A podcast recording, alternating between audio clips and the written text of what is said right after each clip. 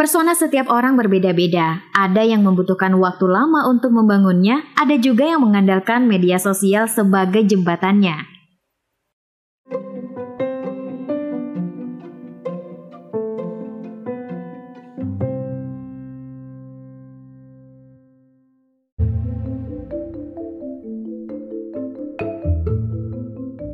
Episode ini adalah bagian dari tantangan 30 hari bersuara 2022 yang diselenggarakan komunitas The Podcasters Indonesia.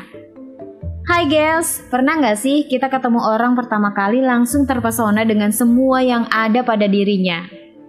Tampangnya, cara bicaranya, cara dia jalan, cara dia makan, dan cara dia menyampaikan pemikirannya.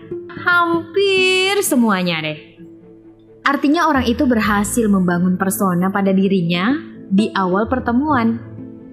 First impression yang dibangun mengagumkan dan mengesankan.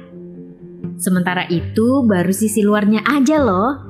Kita tuh nggak tahu sisi lain dari orang tersebut. Bisa jadi setelah tahu aslinya kita akan mundur perlahan menyukainya. Hampir nggak ada orang yang bisa nerima kekurangan orang lain setelah tahu aslinya seperti apa.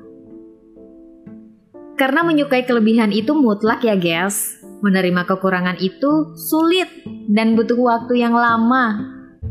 Ya nggak perlu juga memaksakan diri untuk terus membentuk persona baik di depan banyak orang. Sejatinya manusia itu memang makhluk yang lemah dan gak berdaya di hadapan yang maha kuasa. Sang pencipta, Allah subhanahu wa ta'ala. Kita tuh hanya perlu menjaga persona sederhana, helpful, dan mudah tersenyum. Karena itu yang dibutuhkan dalam hidup dan pergaulan kita sehari-hari. Biasanya nih, kalau orang yang udah kenal kita luar dalam dan menerima segala yang ada di diri kita, mereka adalah orang yang siap berjuang sama kita dalam pemikiran, dalam pilihan, dan perjuangan. Mereka tahu kapan harus merangkul dan kapan waktunya melepas. Mereka juga ngerti banget yang dibutuhkan orang lain tanpa harus memaksakan kehendak yang menurutnya terbaik untuk orang lain. Seperti itulah kira-kira persona yang tidak menipu.